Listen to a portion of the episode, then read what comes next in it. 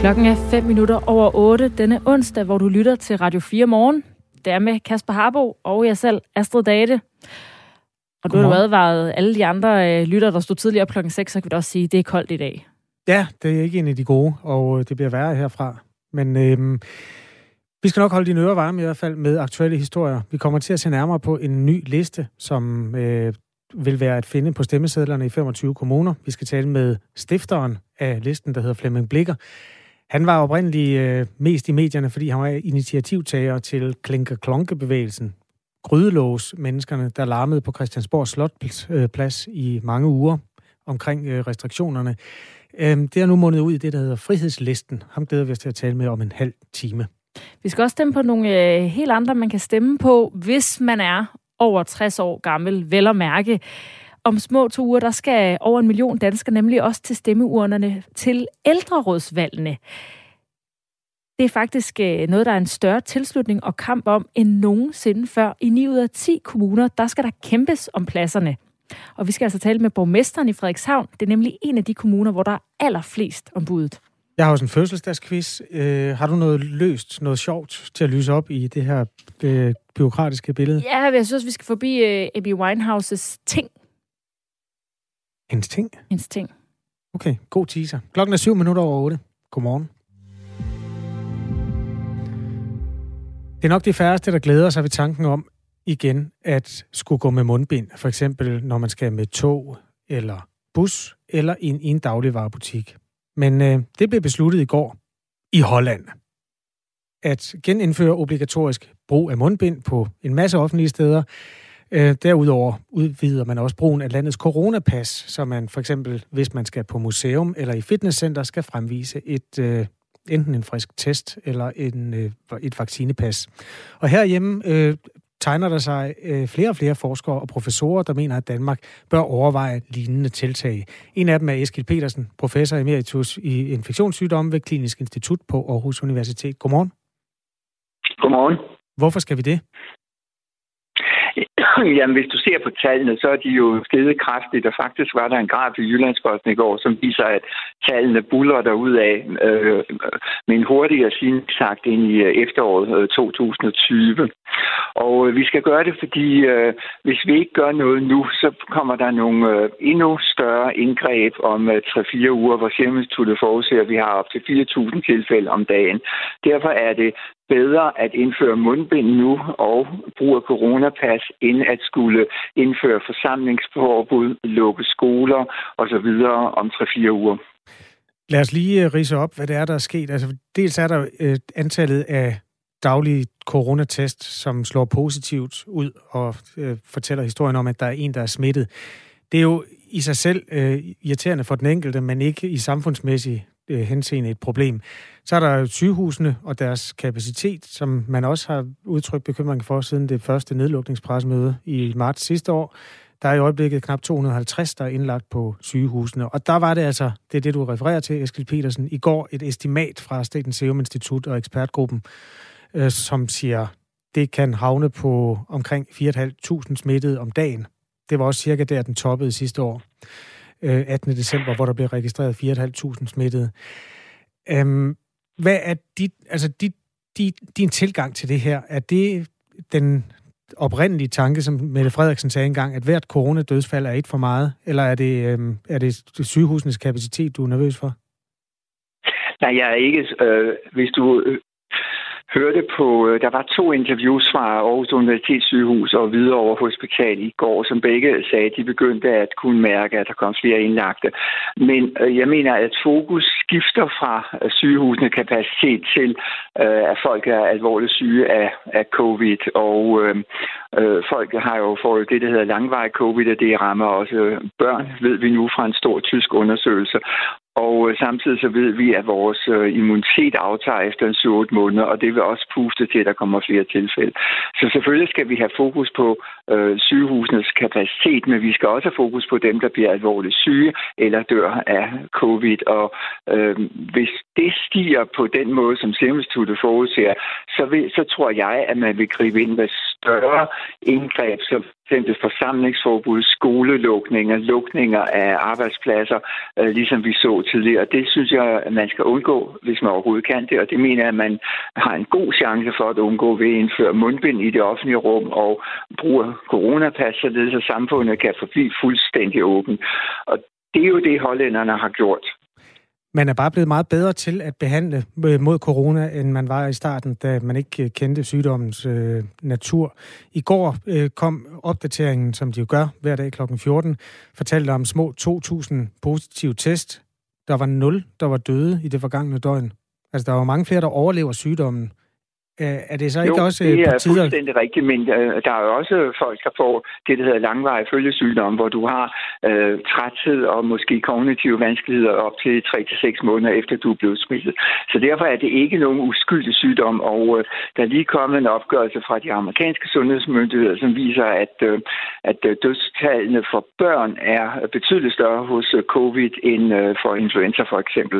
Så det er ikke nogen uskyldig sygdom, og derfor mener jeg, at man også skal kigge kigge på øh, sygdommen. Langvarige symptomer er sådan set lige så vigtigt øh, i dag som øh, sygehuskapaciteten. Jeg tager lige lidt input fra vores lytter. Først et opklarende spørgsmål fra Martin i København. Han spørger, hvordan kan det egentlig være, at det går hurtigere i år, hvor flertallet er vaccineret, altså i forhold til sidste år? Har du et bud på en forklaring på det, at tilvæksten af nye coronatilfælde, den er meget stejlere end sidste år? Jamen, jeg tror, det er fordi, at vi har sluppet alle restriktioner. Øhm, det er jo sådan, at vaccinerne giver ikke en fuldstændig beskyttelse mod, at, øh, at du bliver øh, smittet. Samtidig er der ikke nogen restriktioner, da vi holder ikke afstand længere. Vi, vi øh, bevæger os ud i øh, nattelivet, som vi har lyst til. Og det gør, at der er en meget større kontakt mellem mennesker, og det er jo der, at øh, virus smitter. Så jeg tror, at det er forklaringen på det. Kenneth Fischer skriver, at antal smittede er ligegyldige. De vaccinerede bliver ikke syge, og de, der ikke er vaccineret, har selv valgt det. Det skal vi andre ikke lide under.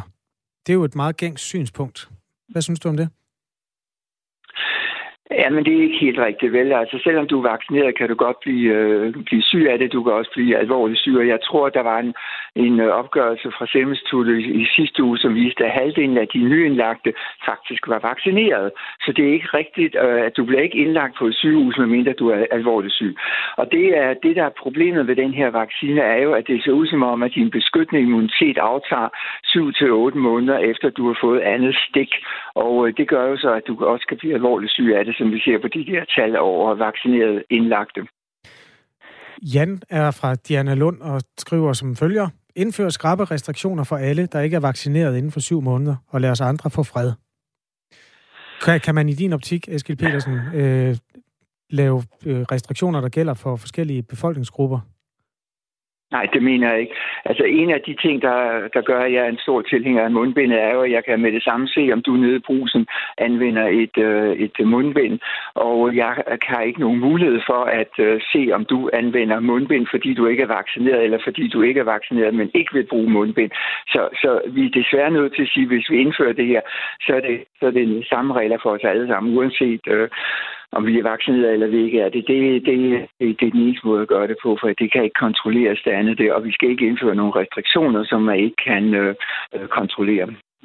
Der må jeg bare sige, ramt af erfaringerne fra sidste år, at der er en stor del af befolkningen, der gør, hvad der bliver sagt.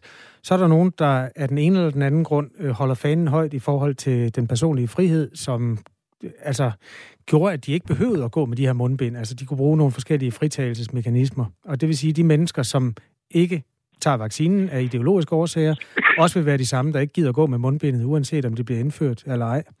Risikerer man ikke at øh, ramme de forkerte?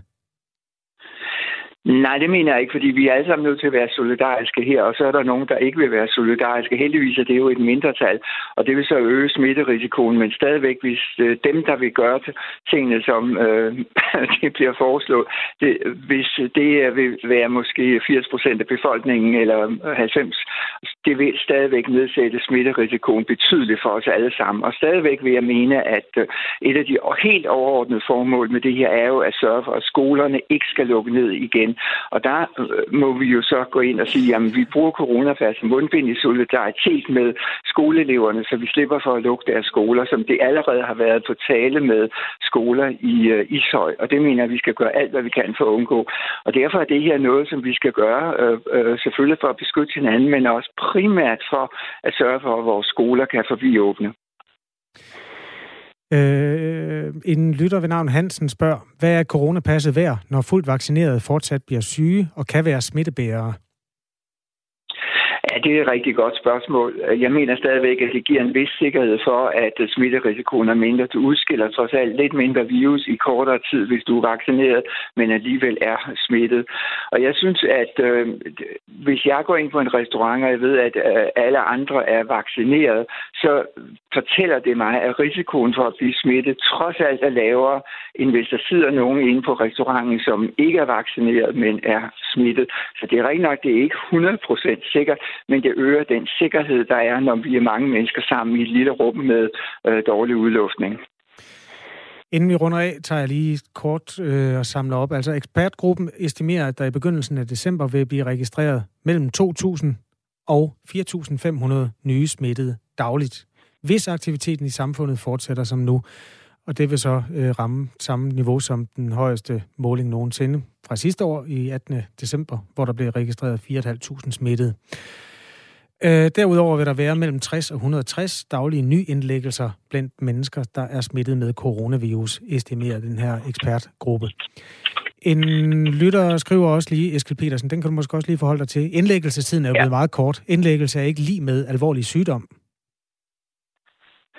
Jo, det mener jeg da. Altså, der, du, du bliver jo ikke indlagt, hvis du ikke er alvorligt syg. Altså, selvfølgelig gør vi ikke det. Øh, altså, hvis, hvis du er smittet, men ikke alvorligt syg, så vil du blive øh, holdt hjemme og kontrolleret af din praktiserende læge. Altså, det, det, det, altså, man må nok sige, at indlæggelse betyder, at man er alvorligt syg. Der er en, der skriver, at hvis man skal have mundbind på, lukker man i praksis nattelivet og alle koncerterne. Hvordan har du det med det? Nej, det mener jeg ikke. Altså, det, det er jo ikke rigtigt. Det, det er jeg ikke enig i. Man kan da godt gå ud og danse med mundbind på, og man har jo lov til at tage mundbindet af, hvis man skal øh, drikke sin øl. Så tager man selvfølgelig mundbindet af, ligesom man gør på restauranterne, når man spiser. Altså, altså det, det hele skal jo administreres med et øh, øh, med sundt fornuft. Ikke? Så det, jeg mener, det er jo, at de steder, hvor du bruger mundbind eller coronapas, hvis du går ind på en kunstudstilling på en restaurant, øh, eller hvis du går, går ned i brusen, så bruger du mundbind, og det kan du udmærket godt, godt gøre.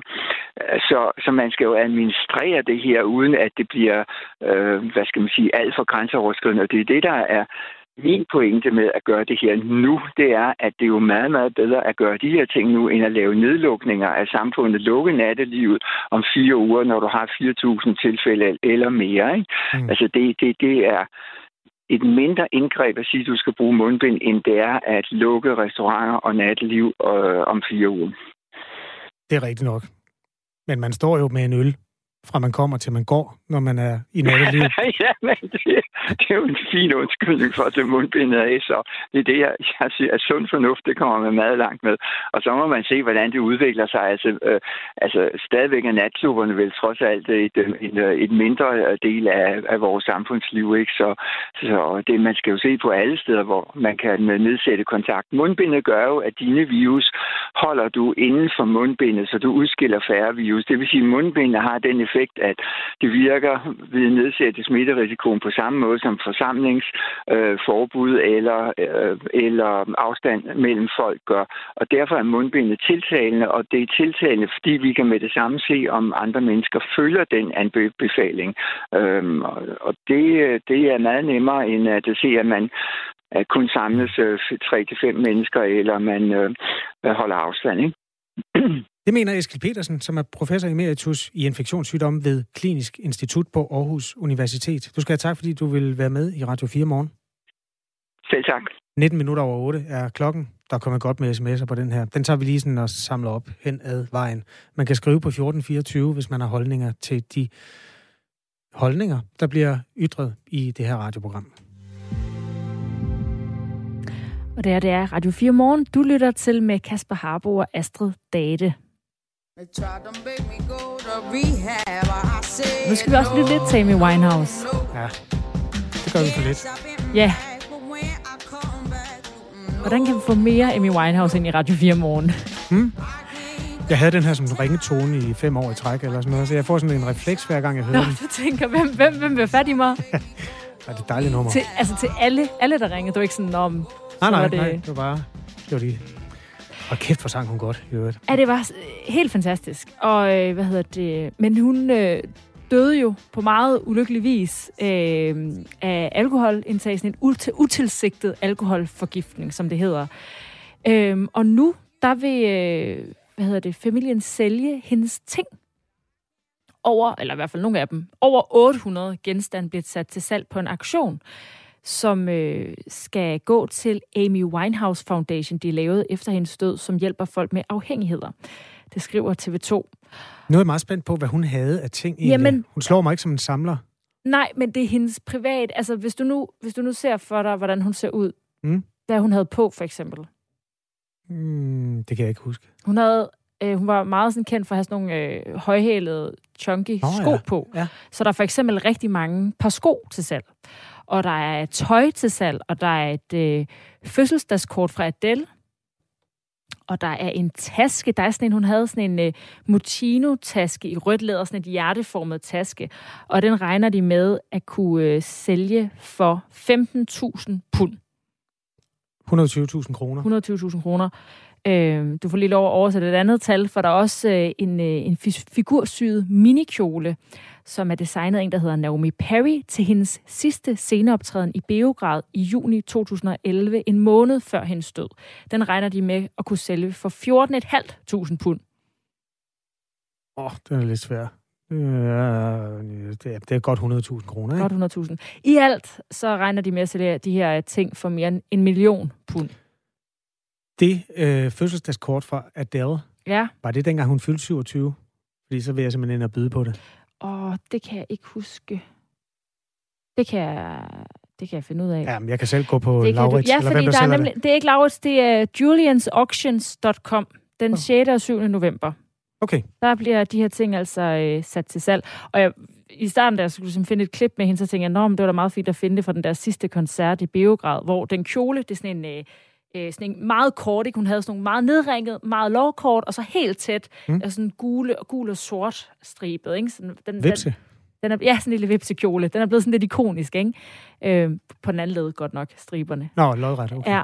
Men øh, hun er, for de tænker, "Nå, så kunne man tage noget derfra, nu hørte vi lige rehab, og hun er meget øh, altså, påvirket eller syg eller sådan noget til den der koncert. Hun kan nærmest ikke stå. Det er jo så en måned før hun dør.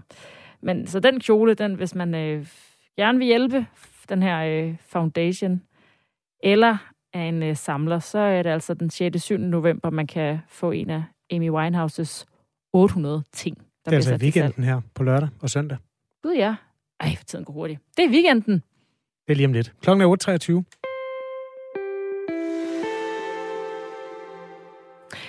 Der findes flere kendte metoder til at oprense de giftige fluorstoffer PFAS. Og grund til, at det er interessant at vide det, det er fordi, at forsvaret har nogle øh, massive grundvandsforureninger på deres flyvestationer, som øh, de ikke har gjort noget for at stoppe eller rense op. Og de har begrundet det med, at de ikke kendte metoder, der var effektive nok. Og den starter vi lige forfra. Her der er det nemlig ledelsessekretariat i Forsvarsministeriets ejendomsstyrelse, Visti Salimonsen. Øh, der er ingen tvivl om, at det her det er enormt omkostningstungt med de kendte teknikker lige nu, og, og skulle gøre noget ved øh, at nedbringe PFAS. Altså, om vi, om vi overhovedet øh, kan nedbringe det til under drikkevandsværdierne, det, øh, det, det, det kan man jo også øh, have sin tvivl om med de kendte metoder, som det ser ud lige nu. Men øh, hvordan de kendte metoder egentlig er lige nu, det har vi på øh, Radio 4 sat os for at undersøge sammen med Avisen Danmark. Og der er nemlig en virksomhed syd for Randers, der har sat sig for at løse det her med at rense forurenet vand og jord for PFAS. Nordic Waste, som de hedder, er nemlig i gang med sidste testfase af et vaskeanlæg, som kan rense PFAS-forurenet jord. Og vores reporter Stefan Axelsen har været på besøg hos virksomheden for at kigge på det nye vaskeanlæg, som inden for kort tid skal i gang. Der er godt nok meget jord her. Det er jo det, vi lever af.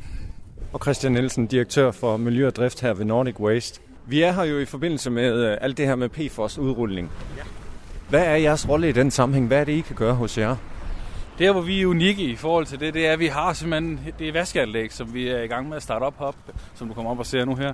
Og der, øh, der kan man tage og vaske de her PFAS-forbindelser ud af jorden. Så de ikke længere er i jorden, men de bliver i en, i en vandfase. Og derefter kan man så behandle på vandet og sørge for at få det destrueret. Og det er det, hvor det, det, er der, hvor det ligesom giver mening for os at fjerne den her forurening. Hvorfor er I så unikke i den sammenhæng? Vi er Danmarks eneste øh, vaskeanlæg af den her størrelse. Og derfor der er vi sådan set unikke i det, at der er ikke andre, der lige nu kan, kan gøre det samme som os. Og, øh, og derfor håndtere den, øh, den måde, man, man arbejder med PFOS på i dag. Men skal vi prøve at gå derhen? Skal vi prøve at se det? Så går vi indenfor her. En kæmpe hal, hvor der er rigtig meget materiale rundt omkring. Sådan og der er ser med. ud.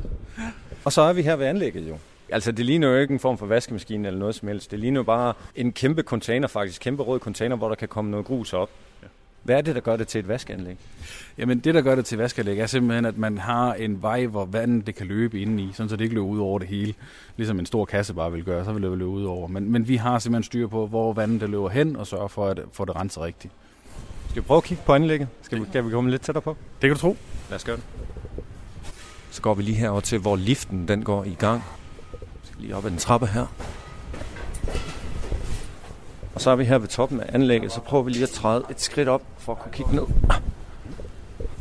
Og lad os så forestille os, at de lige har fået et øh, parti jord ind nu, som øh, er blevet undersøgt og som er blevet konstateret PFOS forurenet. Det kommer herhen til jer. Det kommer ind i den her kæmpe hal, vi står i lige nu, hvor der er rigtig højt til loftet. Jeg formoder, der er en, der er en 10-12 meter i hvert fald.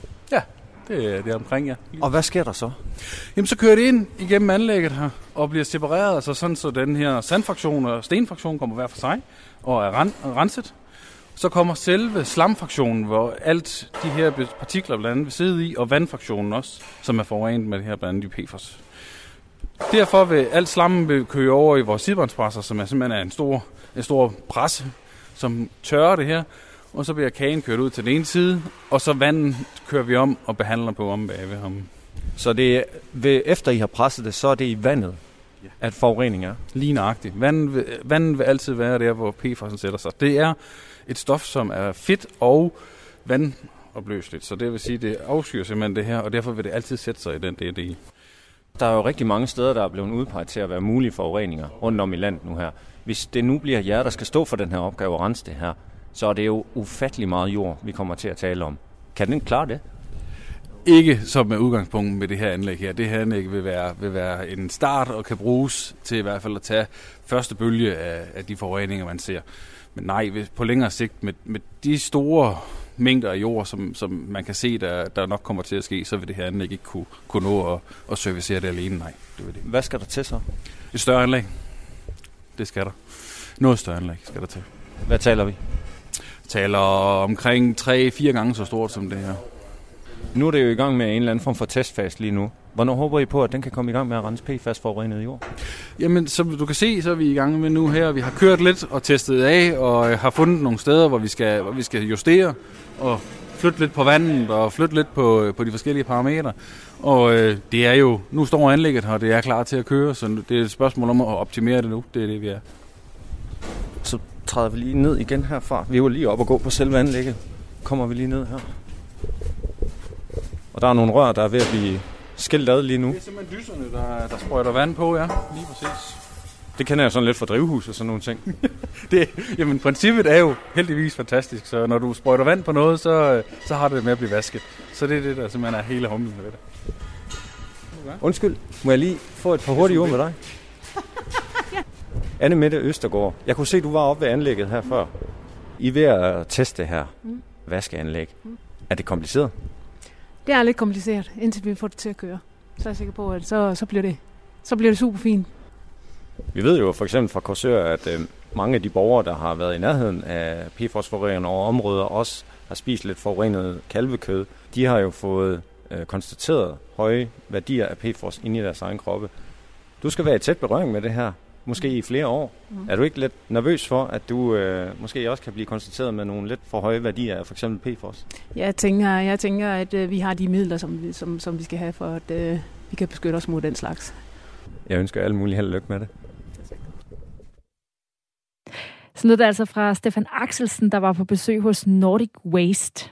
Du lytter til Radio 4 morgen med Astrid Date, Kasper Harbo og nyhedsvært Thomas Sand klokken halv ni.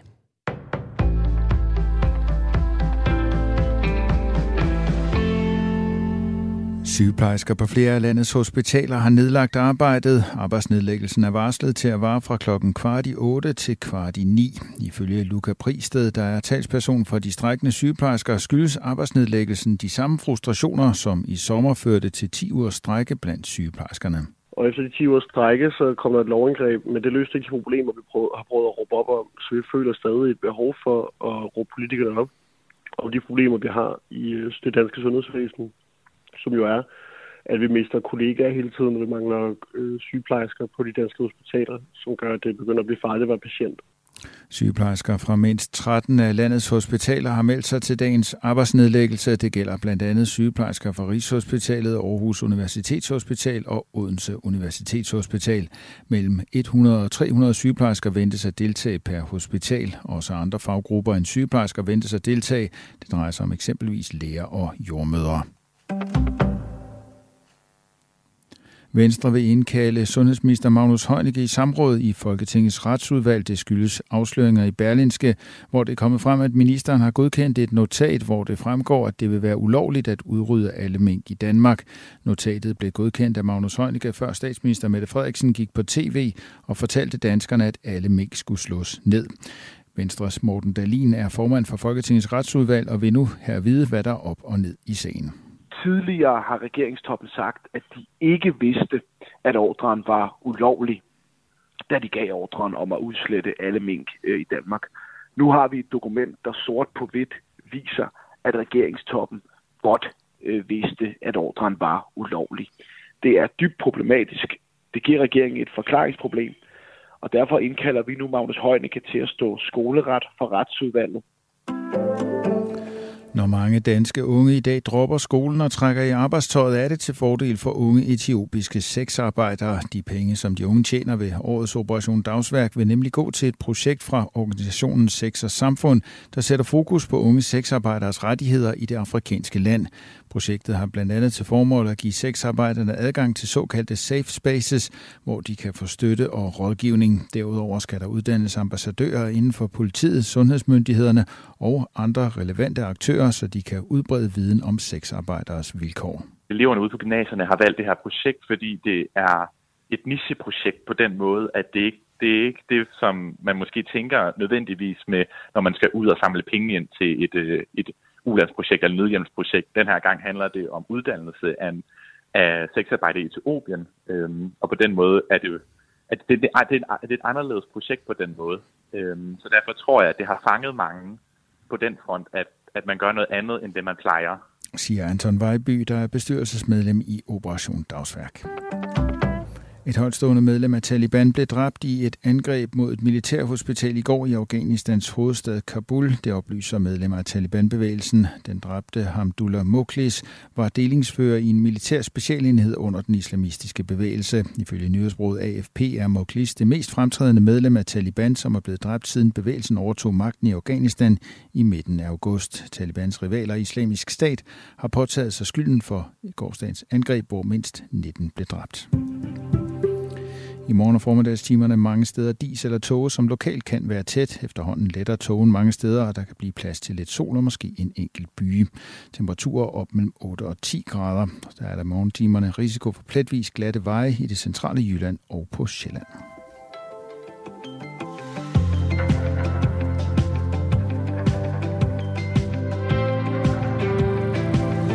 Godmorgen og velkommen til Radio 4. Klokken er 8.34. Og der er jo 13 dage til, at du skal tune ind på øh, Radio 4 om aftenen og høre øh, Kasper Harbo og Jakob Rosen øh, udlægge øh, de politiske potentielle dramaer, der kommer oven på øh, kommunalvalget, der forløber i løbet af, af den dag. Men det sætter sig altså også sine spor i øh, historierne, vi laver op til. Også i dag i Radio 4 Morgen. Hvor vi skal det, helt på en ny liste om lidt. Ja, det er nemlig det. Vi skal have, der er en ny liste, Frihedslisten, som er helt ny, og som øh, altså går ind for frihed, både eksternt og internt i partiet. Vi skal tale med initiativtageren lige om lidt. Øh, ja. ja. og så skal vi også forbi et, et helt andet valg, ældrerådet, bare lige for at tease lidt for det. Først, så skal vi øh, se på, at man jo faktisk, udover at udøve sin øh, demokratiske ret til det her valg, så kan man altså også vinde eller tabe penge samtidig. Der er udbudt odds simpelthen på... Lige præcis. Danske Spil, de har, øh, de har sat oddsene for, hvordan udfaldet af kommunalvalget bliver. Og jeg har simpelthen ikke kunne se de konkrete odds på deres hjemmeside. Og jeg ved ikke, om det er, fordi man skal have en bruger eller sådan noget, eller om... Jeg kan ikke se dem, men TV2 Syd, de skriver også om de her odds. Hmm. Det er to anonyme valgforskere, der har hjulpet danske spil med at finde øh, de mest interessante kommuner med at, med, øh, med at sætte de her odds. Og med, med Syd- og Sønderjylland, som jo interesserer TV2 Syd, der er der otte kommuner med. Og for lige at forklare, hvad tallene betyder, hvis man nu ikke oddser, øh, det gør jeg for eksempel ikke. Jo højere tallet er, jo mindre er sandsynligheden. Yes. Du får mange penge igen, hvis der er lille sandsynlighed, og omvendt. Det er Kolding blandt andet, der er drama i, ikke? På de kanter. Lige præcis. Willy Søvndal versus Eva Kjær Hansen. Lige præcis. Og der lyder altså oddset, at øh, Eva Kjær Hansen, altså oddset er, at Venstre beholder magten i byen, og Eva Kjær Hansen bliver ny borgmester. Det, det er det mest sandsynlige. Det er den mest sandsynlige, nemlig, der giver 1,42 igen. Og hvis det ikke sker, så giver det 2,65 igen. Hmm. Hvis det ikke sker, så baner det jo så vejen, som du siger, for Willy Søvndal fra SF, eller nogle af de andre spidskandidater. Det er noget med, at der står en konservativ også med drømme, er det ikke sådan noget? Åh, oh, det kan jeg faktisk Nej, ikke det kan huske. ikke. Det kan være... Men man kan sige, at ud fra de her odds, der er blevet sat, så lyder det jo ikke som om, at, at Ville Søvndal og de andre har... Altså, de bliver oddset dårligt på forhånd i hvert fald. Hvis du sætter 100 kroner på, at Willy Søvndal ikke bliver borgmester, så får du 265 kroner, hvis Willy Søvndal ikke bliver borgmester i Kolding. Og hvis du sætter 100 kroner på, at det er Venstre, der beholder magten, og Eva Kjær, så får du 142 kroner igen. Godt, øh, altså der er jo sådan et etisk kompas for øh, sportsbegivenheder, der hedder, at hvis du spiller en kamp for Lyngby, whatever, øh, så må du ikke øh, spille på den kamp. Må man godt øh, oddse på det der, hvis man selv har stemt? Det går jeg ud fra. Ja, jeg tror ikke, du, din ene stemme desværre, altså du har, nok har du indflydelse, så meget indflydelse har du ikke. Der er, du, vi skal lige også omkring Sønderborg, fordi nu, nu her, der var oddset højt for, at, at de beholder magten, ikke? I Sønderborg, der er det omvendt. Nej, det er det ikke. Sorry, det var ikke i Sønderborg. I Sønderborg, der er det også store odds for, at Erik Lauritsen, han fortsætter som borgmester. Det er 1,20, mm. og oddsene mod, han ikke fortsætter, er 4. Altså en venstreborgmester? En venstreborgmester. Jamen, der er mange venstre i uh, Syd- og Sønderjylland. Øh, og der er altså meget stor sandsynlighed for, at han bliver. Der var også en, nu kan jeg simpelthen ikke finde ham. I Hedensted, der er det meget tæt. Der er der 91 på, at borgmester Kasper Glyngø fortsætter, og 81 på, at han mister sin post. Okay, tæt løb. Der er tæt løb. Ved du hvad, godt tak for de inputs. Det bliver jo de der dramaer, som vi glæder os til at følge på valgaftenen og natten, hvis det går så vildt. Altså, vi skal sende hele aften fra klokken 19, og vi lukker til midnat, hvis tingene er faldet på plads. Hvis ikke de er, så fortsætter vi bare. Grusen og jeg, vi er alligevel vågne hele Måske natten. du ikke må spille på det. Du er journalist. Kan du ikke have noget indflydelse? Jeg spiller ikke på noget som helst. Så Ej, det, det kan er være meget. Klokken er 8.38. Vi bliver lige lidt ved kommunalvalget. De traditionelle partier er jo selvfølgelig repræsenteret på alle de kommunale stemmesedler, men der er også i 25 kommuner en helt ny spiller, der melder sig på banen, nemlig Frihedslisten. Øhm, med 30 opstillinger er den her liste faktisk øh, ret stor, altså kun overgået af de traditionelle folketingspartier. Frihedslisten skriver på sin hjemmeside, at man går ind for frihed i samfundet, frihed for familien, frihed for individet. Godmorgen Flemming Blikker. Godmorgen. Initiativtager til Frihedslisten og i øvrigt kandidat i Furesø Kommune og også til regionsrådsvalget i, i hovedstaden. Overordnet set, hvad står Frihedslisten så for? Jamen, det står for det, som du lige uh, nævnte, og det er frihed. Men det er jo et lidt fluffy begreb. Øh, hvor er det helt konkret, at man i en kommunal bestyrelse kan indføre mere frihed? Jamen, nu har jeg jo siddet i de her kommunalvalgsdebatter øh, den sidste uges tid her, og det er jo øh, sådan lidt af et øh, cirkus at sidde med, ikke? fordi man sidder blandt andet og, og snakker om overdækning af motorvejen, som går igennem Furesø Kommune, og, og nedsættelse af hastigheden på motorvejen, og huspriserne for almindeligt bolig, boliger osv. Ja, velkommen og, til kommunalpolitik. og desværre så har kommunen jo næsten ingen indflydelse på de her ting, så det er inden for en meget lille ramme, at vi vælger nogle øh, politikere, som, øh, som så øh, bagefter, når vi har valgt dem, så kommer knivenes nat, og så gør de jo ligesom det, der tjener dem bedst og deres karriere bedst, fordi at de er alle sammen partisoldater. Det er det, vi går imod ved at lave frihedslisten, hvor at, der ikke er partisoldater at finde, men der er rigtige mennesker, som skal ind og erstatte de partisoldater, som sidder derinde øh, nu. Og når jeg siger rigtige mennesker, så er det selvfølgelig fordi, at partisoldater er jo også rigtige mennesker. Det er de bare ikke, når de så den kappe på, som hedder partisoldateri. Når man bruger udtrykket partisoldater, så udtrykker det jo, at man på en eller anden måde følger ordre fra en general. Altså at man er styret af toppen af et parti, som har en form for fælles fodslag. Nu kommer I så og vil det modsatte. Kan man som... Altså nu er du kandidat i Furesø Kommune. Tidligere på morgenen har jeg talt med Kirsten Merrild fra Ikast Brande Kommune. Øh, kan man være sikker på, at I vil det samme så? Um, du kan være sikker på, at uh, for eksempel i aften, så skal vi til Harskovby, uh, øh, hvor der er vælgermøde uh, i uh, Harskovby. Det er jo lige der, hvor vores statsminister hun uh, bor. Når vi nu snakker om det her uh, partisoldateri, så, så er det jo sjovt nok, at vi med en uh, socialdemokratisk borgmester i uh, Furesø Kommune ikke hører nogen som helst uh, kritik af den uh, partitop, øh, som jo i øjeblikket gør sig til i blandt andet øh, minkskandaler mm. og nedlukkelse af, af samfund, som vi er på vej ind i igen her nu i, i os. Ikke? Jo, så, så man, taler så man du om kan, de andre. Man, Ja, ja, man kan være sikker på, at, øh, at øh, Kirsten Merrild, hun er et andet menneske end, øh, end jeg, så du kan være sikker på at, at øh, vælge et menneske ind over i, i Kasbrande, og du kan være sikker på at vælge et menneske ind her i Furesø Kommune. Jeg tror lige, vi skal have... Vi talte nemlig med Kirsten Merrild, som altså er kandidat i IKAST Brande til kommunalbestyrelsen og også til regionsrådsvalget i Region Midtjylland. Vi spurgte hende, hvad får man ud af at stemme på hende? En af mine mærkesager er jo blandt andet, at vi skal have en værne ompligt på lige fod med en værnepligt. Militæret sluger jo en, en, en god portion af skatteborgernes penge, og, og, øh, og de penge de går jo sådan set til, at man, man har øh, et, øh, altså man har en masse soldater parat i tilfælde af, at der skal komme en fjende ind. Ikke? Altså jeg synes, at den der øh, maskuline energi, der, der er uderfarende og handlekraftig, øh, den, den er det på bekostning af den, den tilbageholdende og mere omsorgsgivende øh, energi. Altså en meget sådan personlig øh, take på hele samfundet, men også nogle ting, som dybest set slet ikke bliver besluttet i kommunalbestyrelser. Altså, får man det samme, hvis man stemmer på dig? Altså nu nævner Kirsten her jo omsorgsgivende, ikke? og jeg synes jo i den grad også, at det er omsorgsgivende, at uh, altså nu for eksempel, nu fik I jo uh, introduceret her tidligere i programmet, uh, introduceret også uh, i frihedslisten som grydelåsmennesker, uh, og at vi har gået ind for ekstern og intern frihed i partiet og sådan noget. Ikke? Altså det, det, det, det, det, det bliver sådan en, en forvirring her, når, når vi nu skal snakke om, hvad Kirsten har sagt. Når jeg det tror bare, jeg sagde, har, at, har, har at du var initiativtager til de her grydelås demonstrationer, og at det var der, hvad skal man sige, fællesskabet voksede ud af. Det var ikke for... Ja, men jeg sad og skrev det ned, så... Jeg sad og skrev det ned, så... så jeg ved da så, godt, hvad jeg har sagt, øh, men det var ikke for at kalde jer grydelås mennesker. Det har jeg jo ikke gjort. Øh, jo, det gjorde du faktisk. Har jeg kaldt jer for grydelås mennesker? Ja, det gjorde du. Gjorde jeg det, Astrid? Det okay. Det må vi tilbage til. Jeg har i hvert fald ikke øh, gjort Jamen, nogen anstrengelse for at nedgøre... Høre, høre sneglen i for at høre, hvad I, hvad I har bedrevet her hidtil. Okay. Det I jo har glemt, ikke også? Fordi I har jo så fået nogle eksperter ind. I har blandt andet fået en ekspert her fra Københavns Universitet i global sundhed, ham Flemming Konradsen. Og så har I haft en ekspert ind der fra Aarhus Universitet. Jeg har ikke talt med øh, Flemming Konradsen i Radio 4 morgen. Det kan være, han har været kort i nyhederne, det ved jeg ikke. Ja, det så har det været i nyhederne. Så er der Eskild øh, Petersen her, som var med for Aarhus Universitet. Ikke? Og, og sådan en ekspert lader I jo bare gå igennem og sidde der og være mikrofonholder for, hvor han det siger blandt andet... Han fik en masse modspil. Hvor han siger blandt andet, at virus bliver holdt inden for mundbindet.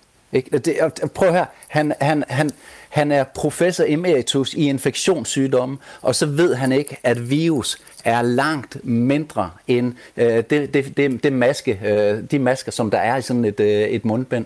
Så det kan ikke holde på mundbind. Det kan holde på, hvis du hoster, og der så kommer sådan en aerosol eller en dråbe øh, ud, så kan det holde på det. Men det kan ikke holde virus inden for mundbindet. Så bare mm. sådan nogle ting, den misinformation, som vi i øjeblikket er, er i gang med her i, øh, i landet, den er så massiv, og I bliver bare mikrofon mikrofonholder for, for de her...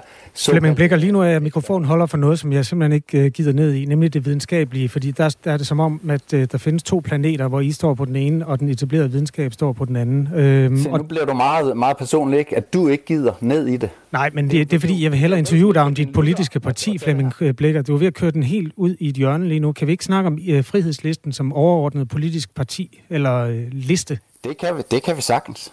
Godt. Det kan vi sagtens. Øh, I forhold til sådan noget mere traditionelt politisk, øh, som økonomisk politik, hvad kan man forvente, hvis man stemmer på dig?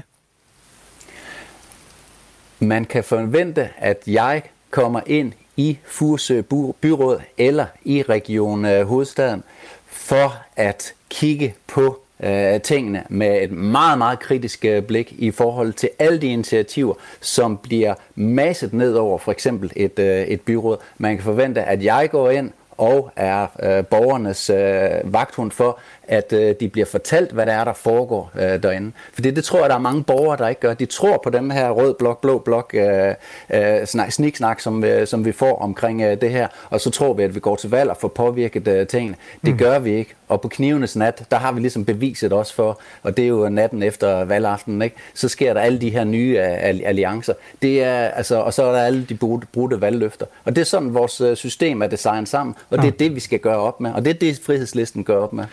Så vil jeg lige spørge igen i forhold til den økonomiske politik. Det er jo sådan, at de traditionelle partier er bundet op på et eller andet samfundssyn, hvor man kan sige, jo rødere, desto mere er man klar til at fordele. Jo mere blå, desto mere skal den enkelte beholde. Har frihedslisten et øh, syn på, hvad der er fornuftig skattepolitik? Jamen, jeg kan godt forstå, at du er forvirret, fordi at øh, du er dybt du, du er dybt inde i en rød blok øh, versus blå blok øh, narrativ, og det narrativ går vi simpelthen ikke ind i. Men skal der ikke være nogen, der betaler skat?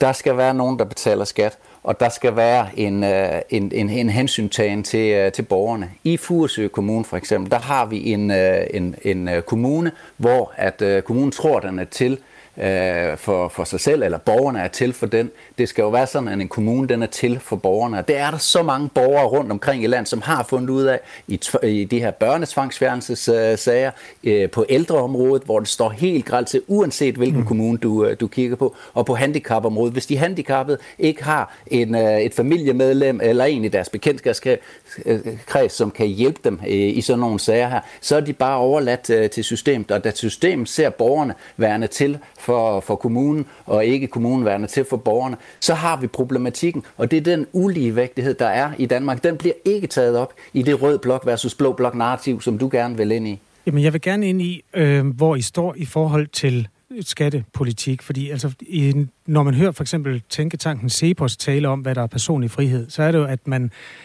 får lov at beholde en større del af sin indkomst selv, og så kan man, altså, så kan man indføre brugerbetaling på nogle områder. Det er jo deres udlægning af begrebet frihed. Så er jeg nysgerrig på, når du så står som initiativtager til den her liste, hvordan du mener, at samfundet er skruet mest fornuftigt sammen. Skal skatten være højere eller lavere, for eksempel? Har du en mening jamen, om det? Jamen, det kunne være rigtig fint, hvis jeg havde den helt færdige løsning til alt det her. Men først og fremmest, så skal vi ind og have fat i, hvad er det egentlig, der er, der er galt, og hvad er det, der er problematikken i det her? Fordi vi har masser af penge i Danmark. Vi har masser, vi er, vi er alt for mange øh, faktisk. Og alligevel, så bliver der skåret, ja det har vi. Vi har aldrig været så rige, og vi har aldrig behandlet hinanden så dårligt, som vi gør nu. Vi har aldrig været så rigt et land, som vi er nu og vi har aldrig behandlet hinanden så dårligt. Vi har aldrig behandlet vores øh, børn så dårligt. Vi har aldrig behandlet vores ældre så dårligt. Vi har aldrig behandlet vores handicappede så dårligt. Prøv at lige om lidt, og I har lige siddet der i talesat, lige om lidt, så kommer der de her nedlukninger i, uh, igen. Og så sidder vores ældre Det var ikke det, der blev sagt alene. faktisk. Der blev sagt, at mundbind kan Nej, blive indført. men I hjælper, I hjælper til det her narrativ, og masserer det ind i befolkningen, sådan at lige om lidt, så accepterer bare alle, at deres farmor øh, eller mormor sidder på, på et eller andet plejehjem, og ikke må få nogen besøg, og bare sidder og syner hen. Det er det, I hjælper til? Øh, det er i hvert fald ikke øh, vores øh, formålsparagraf. Vi øh, bringer de relevante parter frem og sådan efterprøver deres øh, synspunkter, som vi gjorde med Eskild Petersens øh, ønske om at genindføre mundbind. Jamen, altså, jeg vil lige sige, inden du går videre ud af den tangent, Flemming Blikker, der er et, en menneske, der lige har undersøgt, hvad blev der sagt om øh, grydelås-demonstrationerne. Der blev sagt grydelås-demonstranter og grydelås-demonstrationer. Jeg har ikke kaldt jer for grydelås mennesker. Altså grydelås demonstrationer, bliver der sagt. Dem, der banker på grydelåne. Ja, og gryderne. Det er bare lige for at øh, deklarere, hvordan vi har behandlet jer hidtil, fordi det er som om, du føler, at vi har været meget respektløse. Det er i hvert fald ikke, øh, det har jeg ikke selv følt. Um, Om skidt, altså skidt med min følelse af det der. Altså det, det, det jeg jo gerne vil, når, I, når nu I har bragt sådan noget op, som, øh, jeg, ved, jeg ved ikke om det er nyhederne, eller, eller hvad, hvor I har bragt den her op med, med mink-skandalen. Ikke? Altså, hvor, hvorfor, hvorfor er der ikke sådan nogle journalister som jeg, som får lyst til at kigge på, hvorfor er vores statsminister egentlig med i sådan en frimurlignende organisation, og hvorfor sidder dronning og kronprins i den samme organisation, og hvorfor er vores sundhedsminister også med i sådan en frimurlignende øh, organisation?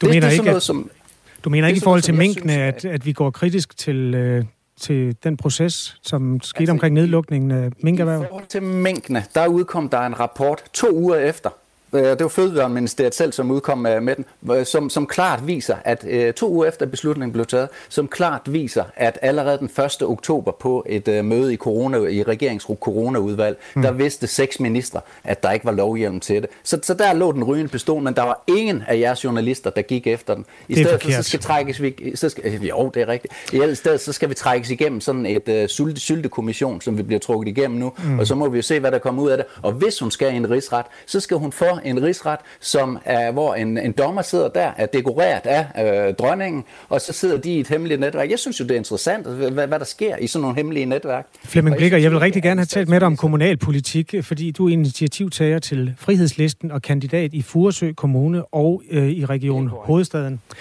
Øhm, det overordnede, hvad skal man sige, spændende punkt, det er, at I er meget forskellige.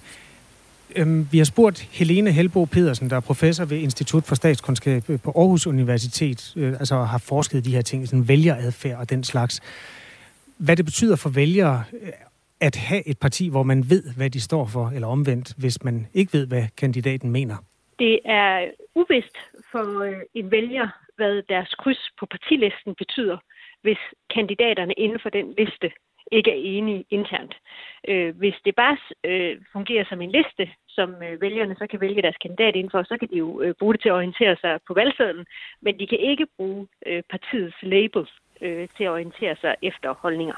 Flemming Blikker, bare lige til sidst, og sådan rent kommunalpolitisk vil jeg gerne bede dig om at blive, fordi det er de valg, der kommer om 13 dage. Hvad er I enige om i frihedslisten på tværs af de 25 kommuner, hvor I stiller op? Jamen, det er så fint, at du tager sådan en ekspert her frem, ikke? Og vi har lige snakket om det der med eksperter. Den ekspert, du havde frem øh, for lidt siden, øh, fortalte, at virus bliver inden for mundbindet. Så, øh, og, Gider du svare på spørgsmålet, det, fordi vi skal til det, at runde det, af? Det er de slags eksperter, I bruger i, uh, i Hvad det, er i I enige om i frihedslisten på tværs af de 25 kommuner, hvor I stiller op? Vi er enige om, at der skal mennesker ind. Der skal mennesker ind og tage hensyn til hver eneste sag. Der er ikke nogen uh, færdig politik, som står op på hylderne, som vi bare kan slæbe ned, og så i hver eneste sag sige, her stemmer vi blot, her okay. stemmer vi rødt. Sådan fungerer virkeligheden ikke, men det er det, vi blev fortalt. Og Godt. det er derfor, du og jeg er inde i det her rød-blå uh, blok-narrativ, og det desværre gift for vores samfund. Tak fordi du udlagde øh, jeres øh, syn på samfundet, Flemming Blikker. Jamen tak fordi I vil høre på mig. Initiativtager til Frihedslisten, som vil være at finde på stemmesedlerne i 25 kommuner om 13 dage. Eller ja, hvis du brevstemmer, så er det jo inden da. Øh, altså forestående kommunal- og regionsrådsvalg. Klokken er syv minutter i ni.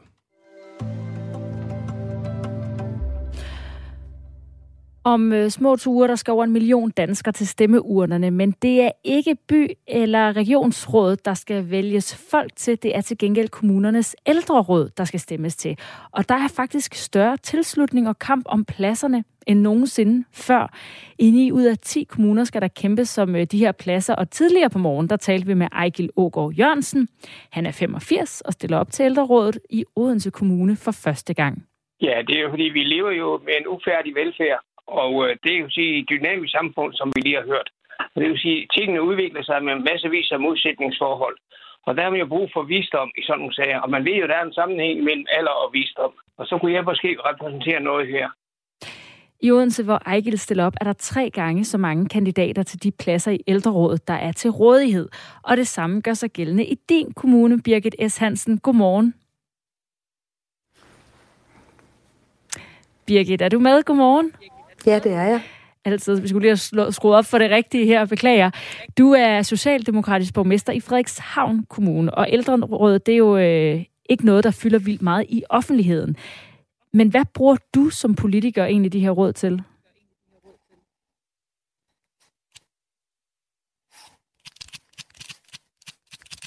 Der er der noget med lyden på dig, Birgit. Lad os lige prøve igen. Vi prøver lige ja. igen. Øh, ja. Hvad hedder det? Vi hører måske ikke så meget om det her øh, ældreråd i, i debatterne i, i det offentlige, men når du sidder som øh, borgmester, hvad bruger du så et ældreråd til?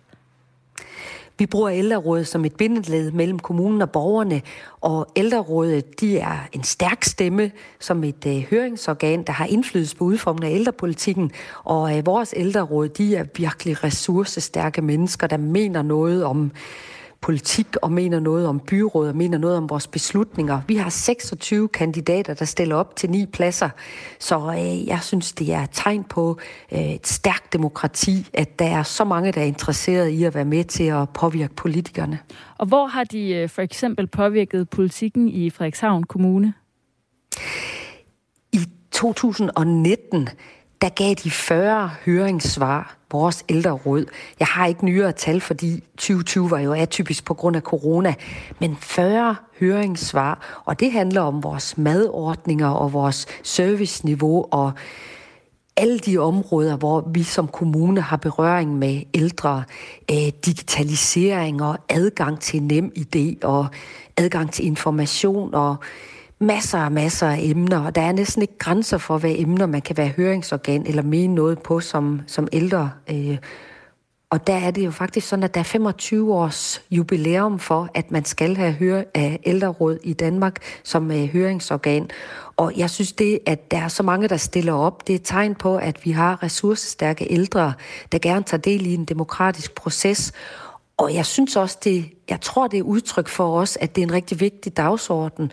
Og jeg benytter lige taletiden til her at sige, at jeg tænker ikke, at ældreområdet fylder særlig meget i den landspolitiske debat lige nu. Og der er det jo stærkt, at øh, de ældre de stiller op til de her råd for at være en stærk stemme i en rigtig vigtig debat. Og de her ældreråd, eller seniorråd, som de også hedder nogle steder, de blev altså en fast del af landets kommuner i øh, 1997. Det er bestemt ved lov, at de skal være der. Og man skal altså være fyldt 60 år for at kunne stemme og øh, være valgbar til det her ældreråd. Og det arbejder altså for alle ældre i kommunen og skal høre, som du også siger, om de forslag, der ligesom vedrører ældres vilkår. Ifølge valgforsker Roar Buk fra Danmarks Medie- og Journalisthøjskole, så skal en øh, del af svaret på, interessen for ældrerådene er blevet større nu her mere end nogensinde findes i, at der også er blevet flere ældre i samfundet. Altså gruppen af ældre bliver også større. Betyder det, at, øh, at deres indflydelse også skal være større, Birgit S. Hansen? Det ældreråd, vi har i Frederikshavn Kommune, de er ikke øh, tabt bag en vogn, og med det mener jeg kærligt, at øh, de er stærke. De øh, har dialogmøder med vores socialudvalg, hvor ældreområdet hører under. De har også møder med, med mig som borgmester, og de kalder på os, og de sender breve, og de sender mails, og de laver indlæg. Og de er stærke, og de er en vigtig stemme. Og øh, vi har også i Frederikshavn Kommune en demografi, hvor vi har øh, en del ældre, og der er det jo også rigtig vigtigt, at øh, de gør sig gældende og påvirker byrådet til at træffe nogle beslutninger, øh, der til gode ser den gruppe. Og det er rigtig vigtigt, at vi har den der debat. De er også lidt en vagthund. Altså, de bider os også lidt i haserne, og det synes jeg jo er, er rigtig godt. Kan vi blive træt af dem? Jamen, det kan vi da godt nogle gange, når vi synes, ej, altså. Men, men det er jo så godt i demokrati, at der er mulighed for at komme ind og gøre sig gældende. Nogle gange så siger jeg også til nogen fra ældrerådet, altså hvis det er sådan, at du vil ind og bestemme, så skal du stille op som byrådsmedlem, og det kan man jo også, når man er over 60. Så ældrerådet er et høringsorgan, det er en vagthund, og det er en stemme i, på et rigtig vigtigt område inden for kommunalpolitik. Har I gjort noget i Frederikshavns Kommune, der gør, at I skal holdes lidt ekstra godt i ørerne af de ældre? Fordi I er jo som nævnt en af de kommuner, hvor der faktisk er kommet rift om at komme ind. Der er 26 kandidater til, kandidater til ni pladser. Ja, vi har haft nogle øh, sager, øh, for eksempel sådan om madordninger, hvor, øh, som har fyldt Øh, skal vi have kommunal mad? Skal der være kun tilbud om øh, private aktører? Og hvad med vores kommunale køkkener? Skal det være varmt mad? Skal, være, skal der laves mad i de her levebo-områder? Altså, det har vi talt rigtig meget om. Værdien af at få god og øh, ernæringsrigtig mad, og at det dufter af mad. Det har fyldt meget, og der har de bidt os øh, rigtig meget i haserne. Jeg opfatter det, at der er mange, der stiller op som en stor interesse for at også den her gruppe bliver tilgodeset i nogle prioriteringer, hvor for eksempel landspolitisk, at sådan noget som minimumsnummeringer, altså 0-6 års området, fylder mere i den politiske og offentlige debat. Der tror jeg, at der er nogen, der sådan tænker, nu må vi op på barrikaderne, og det er et godt tegn for det her. Det er en vigtig dagsorden. Det handler også om en stor økonomi i kommunerne. Tak fordi du var med, Birgit S. Hansen, altså borgmester i Frederikshavn Kommune for Socialdemokratiet.